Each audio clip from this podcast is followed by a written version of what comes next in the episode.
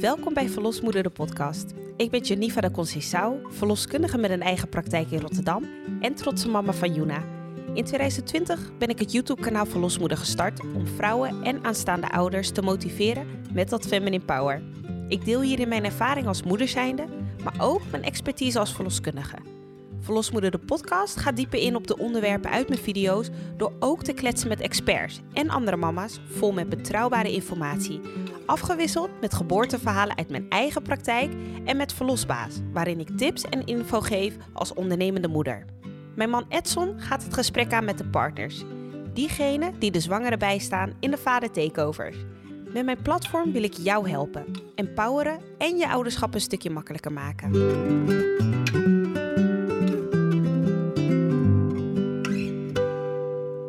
Vandaag een expert aan het woord aflevering. Hierin nodig ik experts uit om hun kennis te delen over verschillende onderwerpen.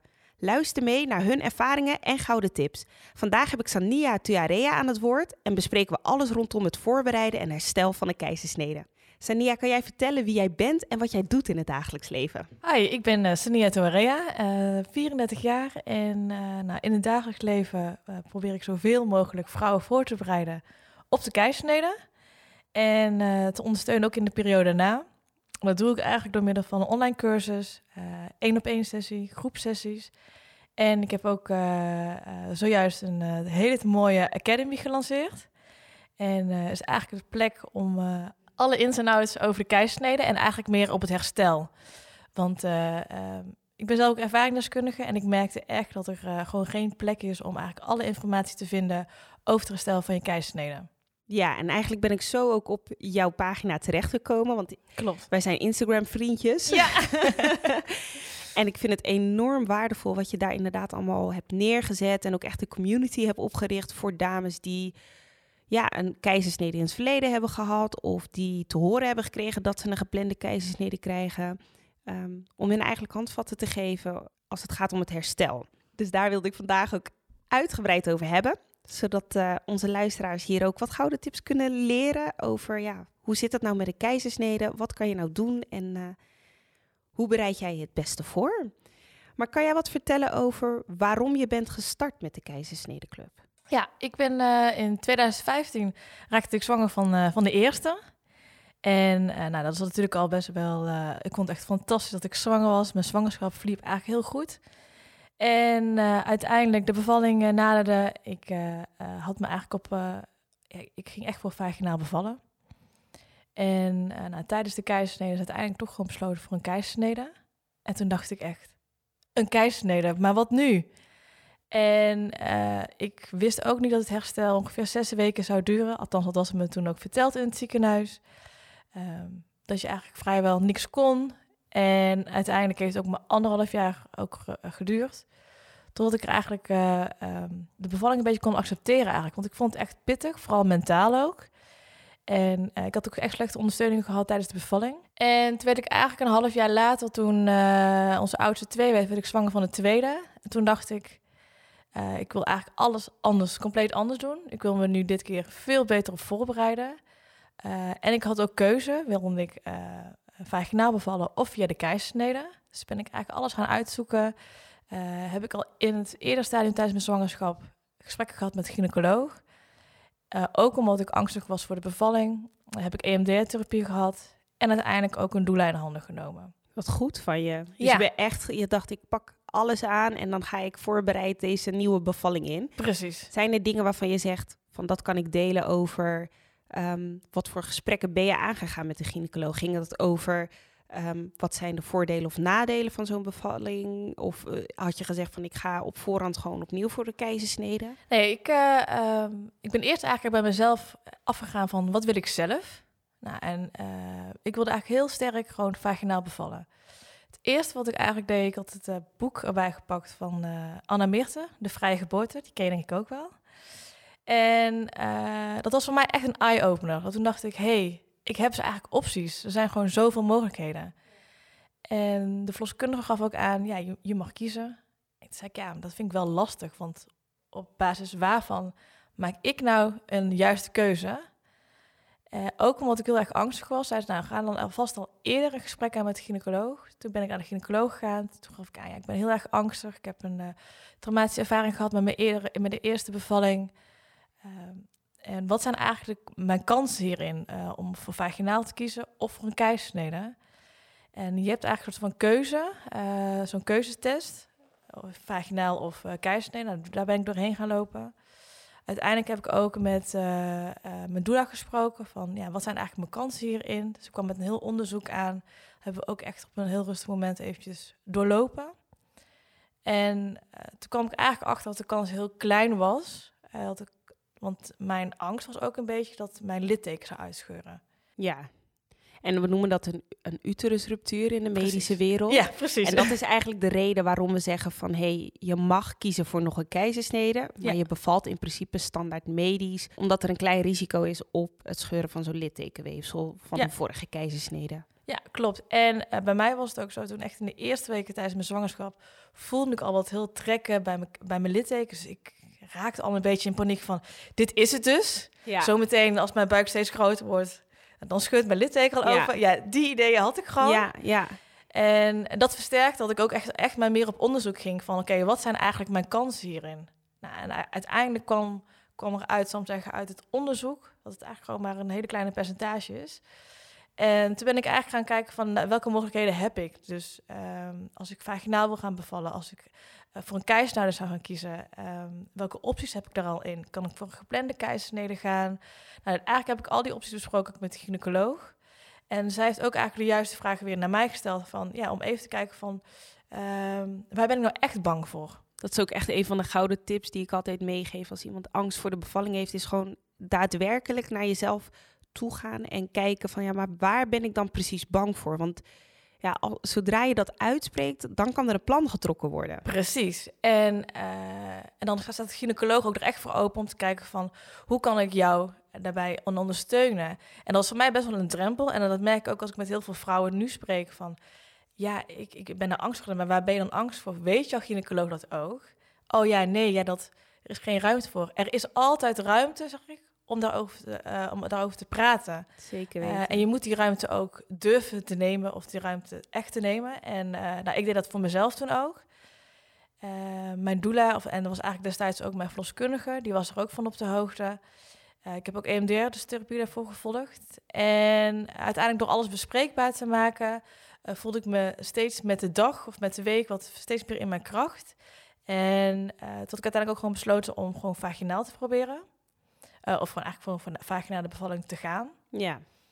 Het ging ook eigenlijk heel goed. En, nou, heb je vanzelf weeën gekregen? Ja. Vliezen zijn gebroken? Uh, ja, ik heb echt weeën gekregen inderdaad. En uh, ik uh, te starten ongeveer om 11 uur in de avond.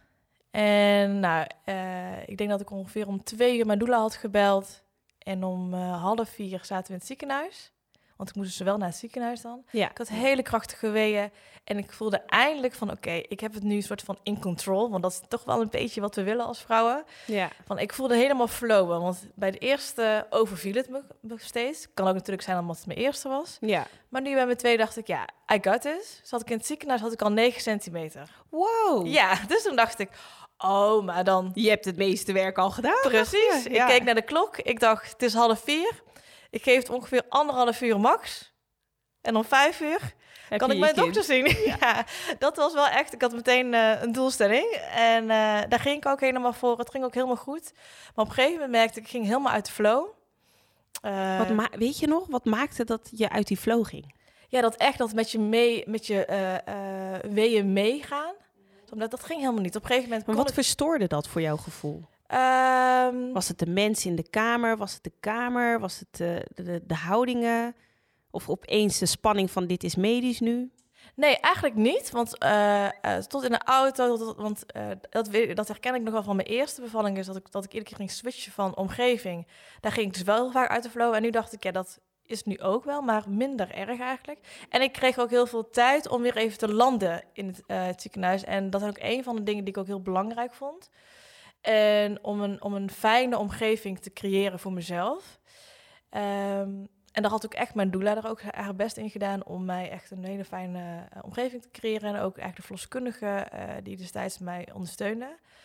Eh, maar op een gegeven moment voelde ik dat er iets anders was. En eh, nou, ik denk dat ongeveer na drie kwartier zijn ze toch even gaan checken van... oké, we gaan even kijken hoe ver je bent. Eh, en toen zagen ze dus eigenlijk dat, eh, eh, dat mijn dochter dus anders lag. Ze was een sterrenkijker. Maar dat is in principe niet meteen de reden om voor een keisnede te gaan. Absoluut niet. Want dat denken dus mensen nu ook heel vaak. ja, en dat wil ik ook even zeggen, dat is ook niet meteen de reden nee. zo. En even voor de- de verduidelijking, een sterrenkijker, normaal gesproken als een baby geboren wordt, dan kijkt het richting de kant van jouw rug, dus naar beneden toe. En een sterrenkijker is een kindje die omhoog kijkt, dus naar de kant van je buik. En dan denk je van, nou, dat is toch dezelfde kant gewoon in principe op. Maar je achterhoofd die is wat groter, ehm, waardoor vaak het wat vermoeilijkt, het laatste stukje van de bevalling. Soms kan je wat eerder persdrang krijgen. Ehm, maar dat, dat maakt een bevalling wel wat lastiger. En het maakt inderdaad een wat hogere kans op een keizersnede... als die kleine dus niet lekker mee kan draaien... om die laatste speeldraai Ja. draai te maken. Of in ieder geval de laatste indaling eh, eruit te krijgen. Ja, precies. En eh, nou, dus ik voelde ook dat, hè, dat die, het weeën opvangen ging allemaal wat, wat, wat moeilijker. En nou, ze hebben ze toch maar even de tijd gegeven om nog gewoon te proberen. En ik wilde dat zelf ook. En op een gegeven moment zeiden ze van... het is denk ik dat het verstandig is nu om te gaan kijken van wat je nu zou willen. Eh, we kunnen net gewoon, gewoon doorgaan. Of je kan dus nu kiezen voor een keizersnede. Dus dat in overleg eigenlijk met mij, met, het is, is tussen mij en de verloskundige. En daarna eh, heeft mijn doula nog heel eventjes eh, mij eventjes apart genomen, zover dat kan. Eh, en gevraagd van, wat zou je dus willen? En ik zei eigenlijk meteen volmondig, ik wil voor een keizersnede gaan. En ik zei dat ook echt gewoon... eh, Uit eigen kracht. uit eigen kracht. En ik schrok daar ook eigenlijk van. En ik, ik zag het ook eigenlijk aan mijn doula van... weet je het zeker dat je voor de keizersnede wilt gaan? Ze is toch nog heel even kort nog de opties gaan lopen van... ja, we kunnen het nog proberen. We kunnen nog... Ja, eh, we kunnen houdingen andere, wisselen. Ja, precies, van houdingen wisselen. En nou, iets zei me meteen... nee, we gaan echt voor een keizersnede... omdat ik het ook niet meer echt voelde. Je was een beetje voor je gevoel die, die confidence en die kracht kwijt... waarvan je dacht van dit gaat lukken. Intern dacht je van... ik moet voor misschien een ander plan gaan. Omdat die hele flow wat ik eigenlijk de afgelopen vier, vijf uur had... Ja, die was gewoon eigenlijk helemaal niet meer. ja, ja. Eh, nou, en uiteindelijk hebben we toch eens besloten voor een keizersnede. En ehm, nou, ik had het uiteindelijk wel persweeën. Dus ik moest dus ook eh, eh, de persweeën tegenhouden. Ah, heftig. En toen dacht ik, oh nee, ik weet nu wel echt hoe dat riedeltje gaat. En dat betekent dus dat het ongeveer een half uur tot 45 minuten gaat duren... totdat de, de OK klaar is. Ja. Dat alle mensen daar aanwezig zijn. En dan moest ik het dus tegenhouden. Want dat had ik bij mijn eerste keizersnede. ging- Hebben ze je weeënremmers gegeven? Nee. Oeh, Ja. girl. Ja, en ik riep ook om, om paracetamol of anything, wat, Iets, wat ja. En toen zei hij, ja, je moet wachten. En ook nog niet een ruggenprik gekregen? Nee, ook niet. Oh, heftig. en ook op een gegeven moment lag ik dus inderdaad net het OK. En toen zei ze, ja, we moeten nog even wat testjes doen. En dan pas krijg je je ruggenprik. En toen zei ik, ja, maar dat is weer een wee. Ja, ja, en elke wee is dan Is een wee weer een wee, ja, precies. Ja, ja. En ik weet het, dat meestal zeggen ze, hè, iedere wee is weer een week dichter bij je kind. Klopt. Ja, maar op dat moment niet. Nee, dus op je dat weet moment vond ik het echt verschrikkelijk. met pijn. Precies. Want het kind komt niet sneller. Nee, en we weten natuurlijk, we gaan gewoon voor de keizersnede. Ja, ja. En eh, het was dit keer ook wel. eh, eh, dus we gingen gewoon voor de keizersnede. En ik was ook gewoon wel echt blij. Want ik, ja, uiteindelijk was dat gewoon een, go- een, een goede keus eh, voor me. Eh, de keizersnede verliep ook wel wat, wel wat pittiger dan bij de eerste. Ik voelde wat meer dat geduw en dat getrek. ja. En dat komt ook wel omdat je hebt lit, littekenweefsel daar zitten. En dat is wat stugger. Ja, En ze proberen zoveel mogelijk op hetzelfde plekje precies. weer te gaan snijden. Zodat ze niet nog een fragielere stukje maken van, eh, van je baarmoeder. Ja, en heel goed dat je dit ook benoemt. Want dat is ook iets wat veel vrouwen ook niet weten bij een tweede keizersnede. En dat, dat, ja, dat, dat, dat kun je gewoon voelen of ervaren. En dat is ook de reden waarom ze het dan doen. Eh, ja, en uiteindelijk na de keizersnede, ehm, een dag later ongeveer, of twee dagen later, kwam de gynaecoloog ook langs. En die gaf ook aan, nou goed, dat jij echt gekozen hebt voor een keizersnede uiteindelijk. Omdat eh, ja, de kans dat je litteken ging scheuren was wel aanwezig. Want ze was toch ook wel bang dat mijn blaas eh, was geraakt. Eh, dus uiteindelijk zal ik zeggen, eh, ehm, ja, dat versterkt ook wel mijn gevoel van, oh ja, ik heb toch Ja. wel de goede keuze gemaakt. En ehm, ja, dat is toch wel ook een beetje een stukje op gevoel geweest. Ja, ik lach heel hard. Of ik glimlach, omdat ik dan... Ik vind het heel tof als je zoiets kan zeggen van... Weet je, het is misschien niet volgens plan... Precies. Maar eh, mijn plan B, daar ben ik nog steeds heel blij mee. Ja. En dat is wat het liefst wat ik elke vrouw zou willen meegeven is... Ik zeg altijd, het maakt niet uit hoe je bevalt. Want bevallen doe je sowieso. Nee. Maar het gaat erom hoe jij je voelt. Tijdens Precies. en na die bevalling. Ja, en die hele ervaring ook dat ik beleefd heb. En eh, dat is ook de reden waarom ik dit ben gestart. Ik, uh, zoals je net al zegt, het ging niet volgens plan of volgens wens, wat ik altijd zelf zeg. maar ik had wel de regie in handen, ik kon wel goed communiceren. En ik vond het dus ook gewoon ja, belangrijk. En ik, ik, gun dit gewoon iedere vrouw. Ja. Want ik kan dus nu uiteindelijk dus wel heel positief terugkijken naar mijn bevalling. Uh, ook al ging het echt anders, uh, um, ook al werd het tijdens de bevalling inderdaad een keizersnede en was het ook allemaal heftig, maar ik had wel de regie in eigen handen. Ja, heel mooi. En dat willen we natuurlijk aan de anderen meegeven. Ja. En ik ben heel blij en dankbaar dat je ook je verhaal wilde vertellen hierin. Wat vond jij van de rol van de verloskundige in jouw zwangerschap als het betrof um, bij je eerste zwangerschap had je natuurlijk nog nooit die keizersnede meegemaakt. En bij de tweede zwangerschap in de voorbereiding van oké, ik weet dat het mogelijk een keizersnede weer kan worden? Nou, bij, ik uh, merkte echt gewoon bij de eerste is het eigenlijk, uh, ja, bij de eerste is het voornamelijk uh, over de eigen vaginale bevalling. En eigenlijk gewoon hoe het proces gaat. En er is heel kort gesproken over de keizersnede. Um, maar dat is ook niet bij mij geland, om heel eerlijk te zijn. Nee. Ik heb daar ook niet bij stilgestaan. En bij, de, bij mijn tweede zwangerschap merkte ik wel van omdat ik uh, zo angstig was uiteindelijk voor de bevalling. En ook geen prettige ervaring had gehad bij de eerste.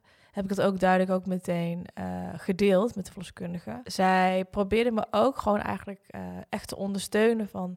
Ja, dit is er eigenlijk gewoon gebeurd. Dit zijn de mogelijke opties. Inderdaad, het kan inderdaad weer een keizersnede worden. En dat weet je. Je weet dus nu ook hoe het is gegaan. Ja. Maar wat wil jij? En eigenlijk zijn we samen gaan kijken naar alle mogelijke scenario's. En jij focus je vooral met jouw platform op de herstel van de keizersnede. Klopt. Zijn er dingen waarvan je zegt van, oh weet je, ik had dit eigenlijk ook wel van mijn verloskundige willen horen? Ja, ik, uh, um, uh, ik denk dat het ook juist goed is vanuit de verloskundige dat zij dus meer gaan delen over de optie keizersnede, dat die optie er is. En um, ja, zie het eigenlijk ook gewoon inderdaad, ja, je hebt gewoon een mogelijkheid om vaginaal te vallen, maar ook een mogelijkheid tot een keizersnede. Dat daar ook wat meer kennis over wordt gedeeld van wat houdt eigenlijk een keizersnede in? Wat kan de zwangere verwachten ook van de keizersnede? In de voorbereiding al en ook in het herstel. Hey, en bij zwangerschap nummer twee heb jij heel duidelijk een plan voor jezelf getrokken. Als ik het zo lees, dan denk ik, je had echt een geboorteplan klaarstaan. Klopt. Je, je wist wie je wilde eromheen, je wist wat je wilde. Je wist als het anders werd, waar je wilde dat er rekening mee werd gehouden. Zijn er nog andere dingen waarvan je zegt van nou, hierin heb ik me op deze manier voorbereid? Je had het over EMDR-therapie, dat heb je gedaan vanwege de verwerking van je eerste bevalling. Zijn er andere tips? Ja, en het extra gesprek eventueel met de gynaecoloog uh, vind ik heel belangrijk. Uh, en uh, inderdaad, inderdaad, ja, die extra gesprekken zijn belangrijk, maar ook met de verloskundige. En daarnaast is het ook wel gewoon goed om in te lezen naar eigenlijk ook naar positieve verhalen over de keizersnede. En uh, ook als je net al een eerder kindje hebt, ook met je eigen omgeving, deel het ook met je partner. Ja. Uh, want ook als je daarna voor, voor een volgende keizersnede uh, gaat, dan kan het dus zijn dat je de eerste weken wel afhankelijk bent van je omgeving. Ja. Dus uh, praat er ook over en deel ook alvast je wensen van dit vind ik wel of niet prettig. Schakel alvast hulp in of overleg in ieder geval met je partner van wat je prettig vindt, uh, wat jouw behoeften zijn. Um, en dat helpt ook, want uiteindelijk is natuurlijk ook je partner eigenlijk ook uh, ja, je steun en toeverlaat tijdens de zwangerschap, maar ook zeker in de periode daarna. Ja. Hey, en als we het hebben over de kraamtijd, dan zijn er een aantal dingen waarvan ik denk van, oh, nou, dat uh, als iemand een geplande keizersnede zou hebben of een keizersnede in het verleden heeft gehad, dan zou je daar al op in kunnen spelen. Heb jij borstvoeding gegeven en ben jij daar, uh, hoe ben je daarmee omgegaan? Ik heb uh, bij beide borstvoeding gegeven. ik heb bij de eerste denk ik ongeveer een maand borstvoeding gegeven. dat ging niet heel vlekkeloos, want ik was heel erg overrompeld van het feit dat ik een keizersnede had gehad. En na een 24 uur bevalling, daarna een keizersnede. En op een gegeven moment lag ik daar in, uh, in het ziekenhuis. En dat ze zeiden, ja, je kan je kind aanleggen. Maar ik was echt alles vergeten wat ik überhaupt ja. in voorbereiding had gedaan. Ja. En toen zeiden ze, je mag je kind gaan aanleggen. Toen zei ik, ja, maar hoe lang moet dat dan? Ja, dat geeft je kind wel aan. Oké, okay, dames, dat doen ze dus niet. Ja, nee, dat is niet. En als jij zelf ook op een gegeven moment niet weet meer... Kan je daar rustig een uur met, uh, met een kind aan je borst nou, liggen? Dat deed ik dus. En schrale tepels Ja, dat deed ja. ik dus. Een half uur, ongeveer tot drie kwartier deed ik dat. En uh, ja, het had ik hele pijnlijke tepels. Ja. Het was... Uh, nou, uiteindelijk ben ik dus wel een week daarna ongeveer overgegaan naar kolven. Toen ben ik toch gestopt na een maand, omdat ik ja, hele, hele pijnlijke tepels had. En dat ik ook heel veel pijn had van de keisnede, waardoor... Ja. Ja, het wel, wel volgens mij zeggen qua stressfactor, het wel het beste was voor mijzelf om uh, over te gaan op uh, flesvoeding. En bij de tweede heb ik na zes dagen borstvoeding gegeven. En omdat ik ook zoveel pijn had uh, na de keizersnede ook. En mentaal vond ik het ook wel gewoon heel erg zwaar. En dat heeft meer mee te maken omdat ik natuurlijk ook heel erg... ik vond ook gewoon heel... Ik was heel angstig voor de bevalling. Mm en ik kwam ook uit een rouwperiode, want ik zat in het midden in een rouwperiode. Mijn, mijn vader was overleden bij 22 weken. Toen ik zwanger was uh, van de tweede. Dus ik vond het allemaal best wel vrij heftig op dat moment.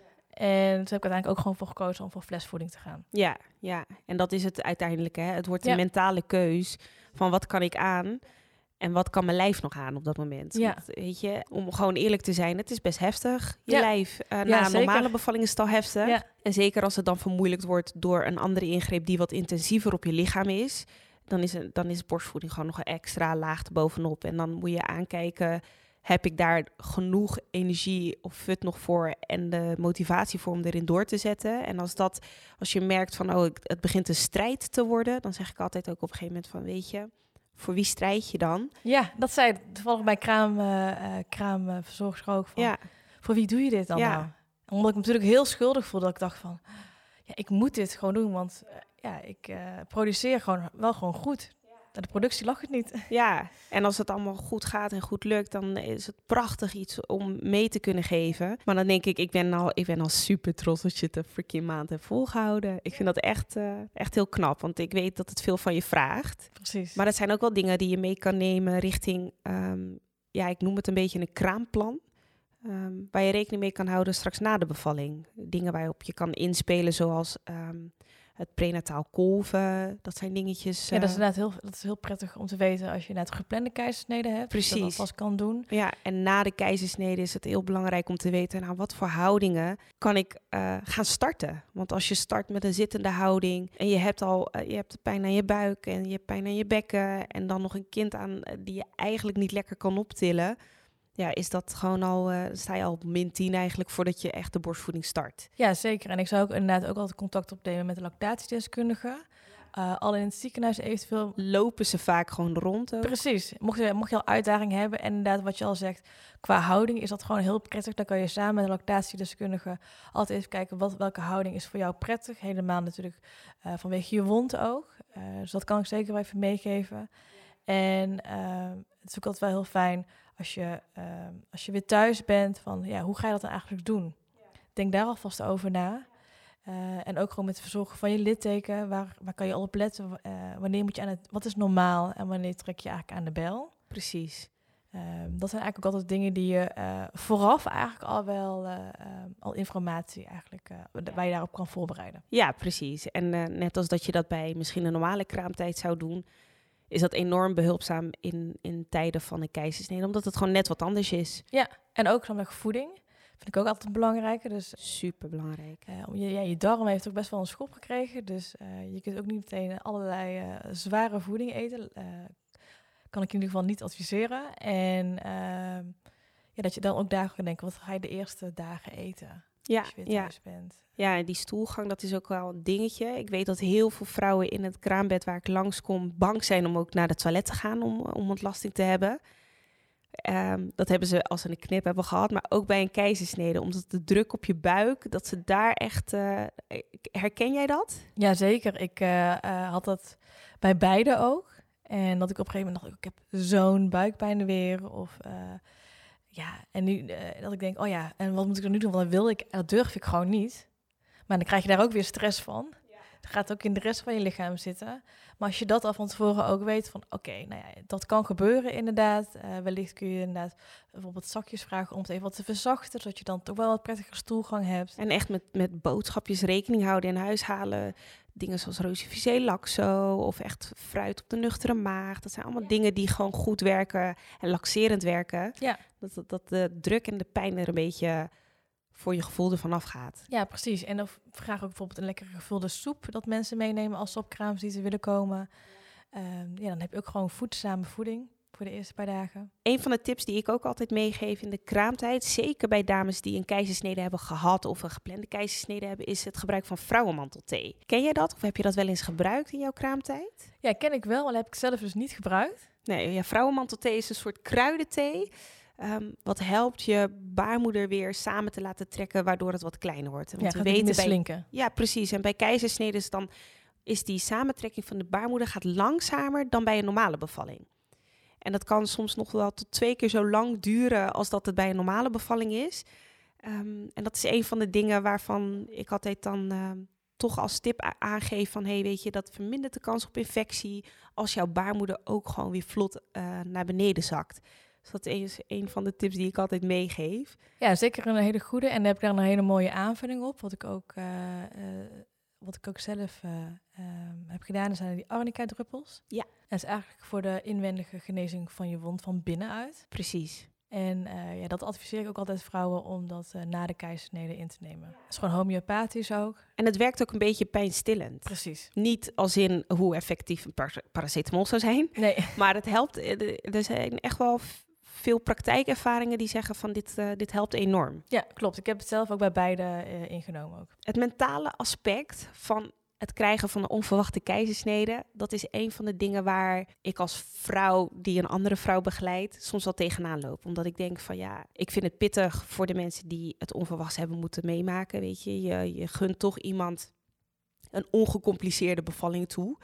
Um, en als het de keizersnede wordt en je kan daar zelf voor kiezen, dan denk ik altijd van, nou, dan sta je meer in je kracht en dan weet je, oké, dit heeft mijn lijf gewoon nodig om te bevallen. Maar de vrouwen die het overvalt, Um, die vinden dat best lastig om het stukje verloren tijd na de keizersnede. Het stukje, ik kan niet zelf dit nu doen. Ik ja. ben op dit moment niet de ideale moeder die bijvoorbeeld een ander wel zou kunnen zijn. Zou je daar wat over kunnen vertellen, hoe dat vanuit jouw ervaring is en hoe jij andere vrouwen daarmee ondersteunt? Ja, dat is eigenlijk echt een van de grootste uitdagingen um, die de meeste vrouwen ondervinden, inderdaad. Van het rustig aandoen, niks kunnen doen. Dat heb ik zelf ook bij beide ook echt ervaren. En vooral ook bij de eerste was het zo ja, je hebt dan toch een soort van een romantisch beeld van je krijgt een kind, je gaat, een, eh, je, gaat je baby meteen zelf verzorgen, borstvoeding geven, uh, uh, echt aankleden, nou, in bad stoppen. En met een keizersnede is dat echt een grote uitdaging. Bij de eerste heb ik zelfs de eerste drie weken mijn zoon ook niet eens de luier zelf verschoond. Dat heeft echt mijn vriend allemaal gedaan omdat het voor mij gewoon een uitdaging was om weer uit bed te komen. Of überhaupt eigenlijk even weer de connectie te vinden met mijn eigen lichaam. En dat heb ik ook echt moeten accepteren. Want ik dacht, oh ja, hij gaat dan weer de luiers verschonen. Het eerste badje deed hij samen met onze kraamzorg. Ja. Vond je dat moeilijk? Ja, vond ik ook wel lastig. Want dan zit ik zo te kijken. En ze deden het wel naast mij. Omdat ze het wel prettig vonden om mij erbij te betrekken. En ze hadden het badje gewoon uh, bij ons in de slaapkamer gelegd. Dus ik kon het wel gewoon zien. Uh, bij de tweede had ik dan weer niet. Uh, dat was echt in de badkamer en dan kon ik er ook niet echt bij zitten. Maar dan hadden ze wel even een filmpje gemaakt, zodat ik er ook eventjes naar kon kijken. En ik moet zeggen dat ik bij de tweede me daar veel beter aan kon overgeven. Omdat ik wist dat het heel belangrijk was om je juist aan over te geven aan je rust. Want dat is ook wel juist uh, goed voor je herstel. In plaats van dat je natuurlijk een beetje gaat tegenwerken, wat ik ook zelf had gedaan bij, bij, bij, na mijn eerste bevalling. Dat ik dacht, ik wil dit, ik wil snel eruit. En ik weet ook nog dat ik bij de eerste heel graag zelf de geboortekaartjes op de bus wilde doen. Ja, dat is iets heel geks, maar dat je denkt, ik wil... Dat heeft op dat moment heel veel waarde Ja, dat was heel veel prio voor mij. En toen dacht ik, ik ga gewoon, en we wonen op één hoog, ik ga de trap af. En ik, uh, normaal gesproken, loop ik daar binnen vijf minuten naar de brievenbus. Maar daar deed ik nu een half uur over. En ja, eigenlijk kon ik dat gewoon niet doen. Maar ik, ik moest van mezelf dat gewoon doen. En bij de tweede heb ik me daar echt aan kunnen overgeven. En op een gegeven moment ben ik ook maar één keer naar boven en één keer naar beneden gegaan op een dag. En dat heb ik wel ongeveer drie maanden zo gedaan. Ja. Omdat ik gewoon leerde om uh, juist wel in beweging te blijven, is belangrijk na de keizersnede. Um, maar niet, zal maar zeggen... Uh, niet ten koste van. Precies. En dan ook gewoon stap voor stap. Ik ging, probeerde wel iedere keer dan uit bed te komen, iedere dag. Uh, maar op een gegeven moment, als het gewoon genoeg was, was het gewoon genoeg. Dan ging ik gewoon weer netjes weer terug mijn bed in. Heb jij het gesprek ook met je partner aangegaan in voorbereiding naar de tweede kraamperiode? Hoe jullie dat gaan aanpakken? Zeker, zeker. Omdat ik ook wist dat uh, deze keer de kans gewoon aanwezig is dat ik een keisnede zou uh, krijgen. En dat heb ik ook echt duidelijk uitgelegd van ja, dit zijn eigenlijk mijn wensen. Dus eigenlijk niet meteen dat de hele kamer weer vol zit met uh, familie en vrienden. En, en ook vooral niet de eerste week. Dat ik eigenlijk gewoon uh, de eerste week gewoon met z'n drieën. Want ook voor onze oudste belangrijk is dat hij. Uh, ik, want we wisten ook natuurlijk niet hoe dat voor hem zou zijn. Een zusje erbij. Dat we hem gewoon genoeg de ruimte kunnen geven. En vooral ook naar mezelf toe. Van ja, wat vind ik zelf prettig eigenlijk in de eerste dagen uh, na de bevalling? Kan ik het eigenlijk allemaal wel aan? Uh, want bij de eerste was, was hij heel enthousiast, mijn vriend. En, nou, en uiteindelijk stond ook best wel veel familie en vrienden hadden we ook in die week over. En, maar dat kon ik eigenlijk niet echt aan, achteraf gezien. En nu dacht ik, nou, dan ga ik dat gewoon goed communiceren. Um, en heb ik het ook tegen mijn zus ook alvast gezegd. Van, dan kan je ook alvast tegen anderen zeggen. Maar goed, alles loopt toch ook weer anders. Want ik was helemaal sky high van de morfine. Mhm. Dus ik had iedereen uitgenodigd. Ja, ja, helemaal in je dus happy dus, Ja, ja. Dus iedereen stond ook echt binnen vier uur of zo bij ons in de kamer. Uh, mijn hele familie. Dus het was hartstikke gezellig. Daar stond ik ook helemaal uh, achter Achteraf gezien. Uh, maar wel in die weken daarna thuis had ik wel gewoon gezegd... niet te veel mensen op een dag. Um, of deed het alleen maar in het weekend. En ja, daar hield hij ook gewoon heel veel rekening mee. En ook zeker de kraamzorg. Die zei op een gegeven moment, het is twee uur we moeten boven wat bespreken. Maar we moesten helemaal niks bespreken.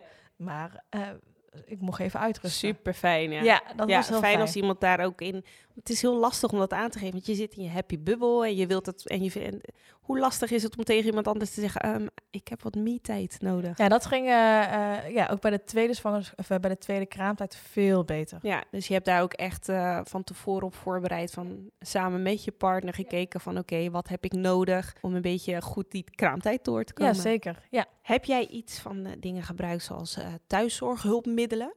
Uh, dan moet je denken aan bijvoorbeeld een ondersteuner voor in het bed of um, uh, een papegaai. Uiteindelijk had ik wel een, uh, een douchekruk voor in, de, voor in de badkamer, of onder de douche. En dat vond ik zelf gewoon heel prettig, een douchekruk, omdat ik heel graag wil douchen. Maar staan was voor mij ook een hele uitdaging. Dus een douchekruk vond ik heel fijn.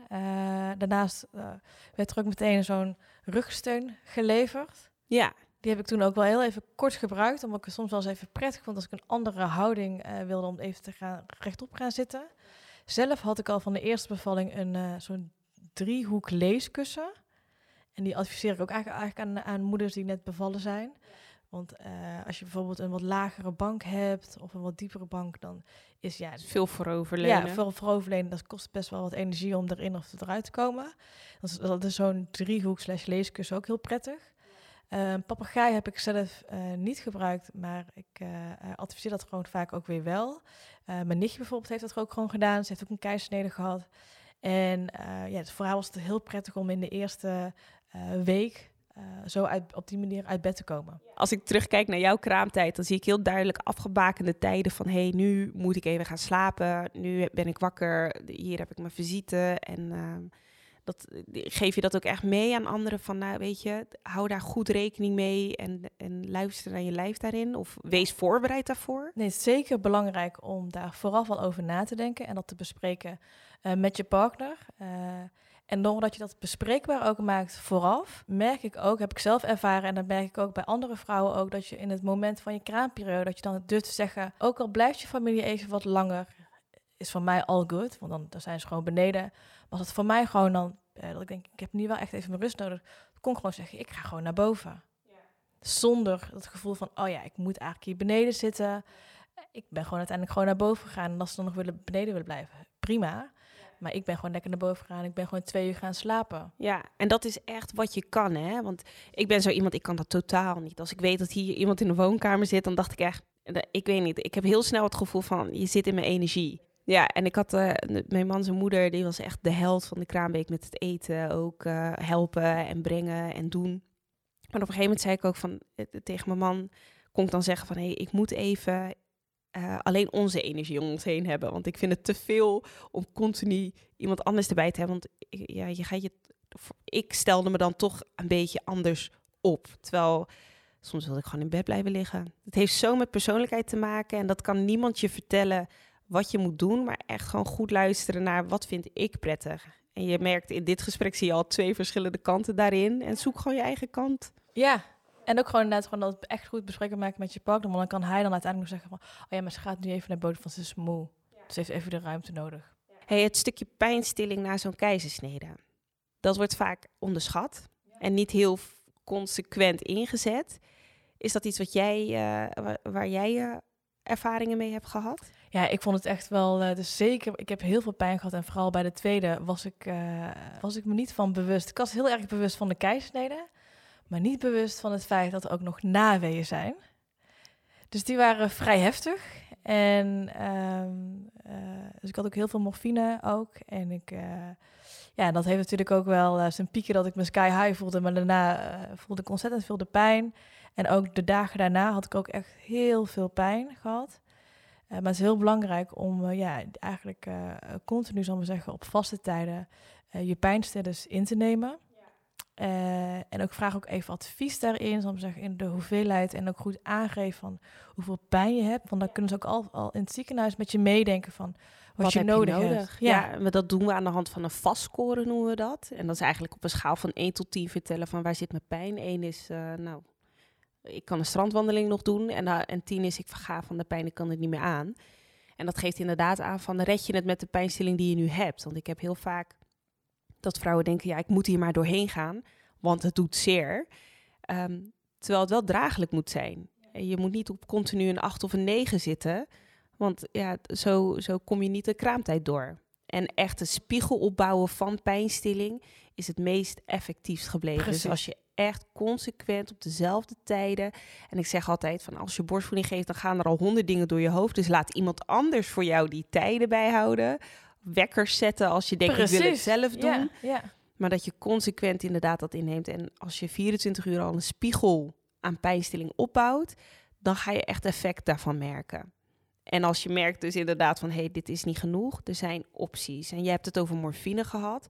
Ja, dat zijn opties die in het ziekenhuis die eerste dagen nog echt wel aanwezig zijn. En het is ook goed om te weten dat je na een keizersnede ook niet direct naar huis mag gaan. Je bent dus inderdaad ook vanwege dit nog even in het ziekenhuis. En bespreek wat je nodig hebt. Als die morfine wordt afgebouwd, hoe trek je het dan? En, uh, en die eerste dag thuis, nou, op dag 4, 5 zo.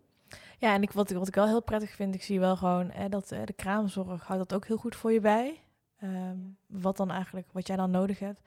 En uh, weet ook dat je altijd nog contact op kan nemen met de verloskundige. Zeker. Want ik merk dus nu ook dat vrouwen denken, oh ja, maar die kan ik dan niet meer bellen. Ik zeg, die kan je zeker bellen. Juist, want we zijn de 24-7. Precies. En dit zijn echt hele belangrijke vragen die je gewoon aan ze kan stellen. Van, ik heb toch wel meer pijn dan ik had gedacht. Trek dan gewoon op tijd aan de bel. Ja. Ga niet meer zitten van, oh ja, inderdaad, wat je net zei. Ik, ik, ik, wacht nog even een uur. Of ik wil, ik wil zo min mogelijk paracetamol gebruiken. Dat hoor ik vaak. Ook zeker als ze borstvoeding geven. Ja, maar ik wil zo min mogelijk. En dan ik neem het alleen als ik pijn heb. En dan ben je eigenlijk te laat. Precies, ja. Dan komt de man met de hamer in de avond en dan uh, zit je huilend op bed vaak. Ja, ja, precies. Goed, we hebben een heleboel besproken. En ik denk dat het echt super waardevol is wat je vandaag ook weer hebt meegegeven aan jouw kennis. Kan je nog eenmaal voor onze luisteraars vertellen waar ze nog meer van deze info kunnen vinden? Ze kunnen alle informatie vinden op de website. Dus dat is de.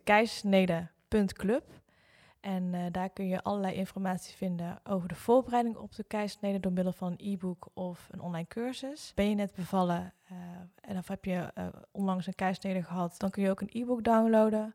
Of je kan deelnemen aan de Circle of Motherhood. En dat is eigenlijk een zesweeks programma waar ik je eigenlijk ondersteun op mentale vlak. En dat je dan echt door middel van de sharing circles met elkaar je bevalling gaat verwerken. Zodat je dan ook met een grote glimlach terug kan kijken op je bevalling. Heel mooi. Ja, en uh, eventueel de uh, Club Academy. En dus alle outs uh, over te herstellen naar de keizersnede. Ja, en op mijn kanaal kan je natuurlijk op de vlogs natuurlijk een heleboel vinden over de bevalling. En ik heb onlangs een vlog opgenomen over angst bij de bevalling. Samen ook in de praktijk gekeken van hey, wat kunnen we voor deze dames betekenen. En ook gekeken naar een bevalplan voor als je een keizersnede moet krijgen. Dus je kan hem invullen als die onverwacht zou moeten zijn. Of als je weet dat er een geplande is. Dus uh, dat kan je op Verlosmoeder YouTube kanaal ook terugvinden. En als je inschrijft voor de nieuwsbrief krijg je sowieso automatisch altijd uh, alles toegestuurd. Heb je voor mij nog een uh, tip of advies die je kan meegeven ter ondersteuning als het gaat voor de vrouwen die denken van, oh man, ik vond dat stukje mentaal nadat die keizersnede is gebeurd zo pittig? Ja, zeker. Uh, vind ik ook wel een hele goede vraag die je stelt, omdat ik uh, het zelf ook e-, echt ervaren heb. ik vond het in, bij mijn eerste bevalling vond ik het mentale eh, heel lastig. En dat komt mede doordat uh, ja, heel veel mensen in mijn omgeving geen keisnede hebben gehad. Of niet weten wat dat eigenlijk betekent. Want in feite kun je natuurlijk gewoon een normale bevalling hebben. En uiteindelijk krijg je dus een keisnede. Dus dat stukje, ik had heel erg dat gevoel van falen. Van het is me niet gelukt, waarom? komt mijn lichaam gewoon niet een vaginale bevalling aan? En daar heb ik ongeveer een anderhalf jaar wel mee gezeten. En ik vond het heel lastig, omdat ik ook niet met mensen in mijn omgeving kon praten. Ik heb wel heel veel gesprekken gehad met mijn, met mijn uh, vriend. Hij was natuurlijk uh, bij de bevalling aanwezig. Um, maar ja, niets is zo belangrijk om juist erover te praten met andere mensen. En als het niet lukt, dan in je eigen omgeving, is het ook helemaal oké om daar hulp in te zoeken. Maar wat het nu ook heel, heel belangrijk is, als je toch een, een ongeplande keisnede of een spoedkeisnede hebt gehad, uh, uh, alle gevoelens overvallen je, is het juist goed om in de eerste weken eigenlijk je gevoelens op te schrijven. dus pak gewoon even pen en papier erbij of maak notities in je telefoon van, ja, wat vond je er eigenlijk van, van je bevalling? En geen gevoel is te gek of geen gedachte is te gek, maar het is wel belangrijk om je daarin te uiten. bespreek het ook met je partner zoveel mogelijk maar, maar ook zeker met je um, verloskundige of de gynaecoloog. En wat ik dus nu ook nog steeds uh, vaak ook te horen krijg van vrouwen van... Ja, maar het was me toch onduidelijk wat tijdens de, tijdens de bevalling of tijdens de keisnede is gebeurd. En waarom? En zitten die vrouwen echt te malen met die waarom-vragen. En dan die waarom-vragen gaan op, op, een gegeven moment om in... Ja, ik heb gefaald, het lag aan mij. Dat kan zomaar gewoon gebeuren. En dan denk ik, schrijf het allemaal op wat je denkt uh, en welke vraag je nog graag beantwoord wil worden. En kijk van wie zou jou erbij kunnen helpen. En bijvoorbeeld met die waarom-vragen, bel gewoon nog even, uh, mocht je dat niet kwijt kunnen tijdens die nakontrolegesprek, bel dan nog een keer eigenlijk even naar de gynaecoloog van, hey, ik wil gewoon heel graag nog eventjes mijn... Uh, nog een gesprek Nog een gesprek aanvragen, inderdaad. En dat mag je dus ook aanvragen met degene die jou heeft geholpen tijdens de keisnede of bevalling. Dus dan weet Goed je, dat je echt dat je het gezicht erbij hebt. Vaak is dat, uh, dat ook echt wel een handige om uh, mee te nemen. Ja, en dat is echt belangrijk inderdaad om dat te doen. Ik zie dat nu ook tijdens de, met de vrouwen die dan in de cirkel uh, deelnemen. Die uiteindelijk ook allemaal een, een afspraak hebben ingepland met een eigen gynaecoloog. En uiteindelijk daar zoveel opheldering in hebben gekregen van... oh ja, dat was het, dat is de reden... En uh, dan kunnen ze het ook uh, veel beter uh, afsluiten en een mooie plekje geven. Ja, en dat geeft dan ook weer goede, een goede start voor een eventuele volgende zwangerschap en bevalling. Ja, precies. precies. Dus het is heel belangrijk om dat met je gevoelens te delen. Schrijf het op en vraag om hulp waar nodig is. Zeker. En ook wat misschien goed is om te weten in die eerste, weet je, tijdens de bevalling zit je in een soort waas met die weeën. Hè? Je zit in je eigen bubbel, je moet het opvangen. Je, je, je probeert alleen maar door die weeën heen te komen op dat moment. Eigenlijk alles eromheen vervaagt een beetje. En op het moment dat je bent bevallen, dan kan je echt opeens terugdenken van... oh, ik weet nog heel goed dat ik dat op dat moment voelde of dat ik dat op dat moment zei. En hoe verder je na die bevalling zit, hoe meer dat gaat vervagen. Die kleine dingetjes, maar dat het gevoel alleen nog maar achterblijft. En het is inderdaad heel goed om dat allemaal op te schrijven... Um, want ook al vergeet je wat er misschien is gezegd of gedaan of gebeurd, um, dat, dat gevoel dat kan altijd onderliggend uh, blijven zitten. En dat speelt heel vaak in op die angst. Precies. En uh, ja, is daarom heel belangrijk om je bevallingsverhaal op te schrijven. Uh, en ja, je mag het gewoon opschrijven hoe je dat zelf wil, gedetailleerd of in grote lijnen. Maar het opschrijven uh, is er eigenlijk al een stap naar je verwerkingsproces. Het is eigenlijk een vorm van EMDR-therapie, maar dan thuis. Ja. Het, terugbrengen van. Ja, en dan kan je eigenlijk al een beetje voor jezelf al mee de scherpe randjes eventueel ervan afhalen. Zover dat kan natuurlijk. Hele goede tip. Sania, ik wil je heel erg bedanken voor vandaag. Ik hoop dat we in de toekomst natuurlijk veel vaker met elkaar aan tafel kunnen zitten. Ja, leuk. Dankjewel voor de uitnodiging. En ik blijf je zeker volgen en ik hoop dat, uh, dat mijn luisteraars dat ook gaan doen. Leuk, dankjewel. Ik hoop dat je wat hebt gehad aan deze aflevering. Zorg dat je niks mist en abonneer op dit podcastkanaal.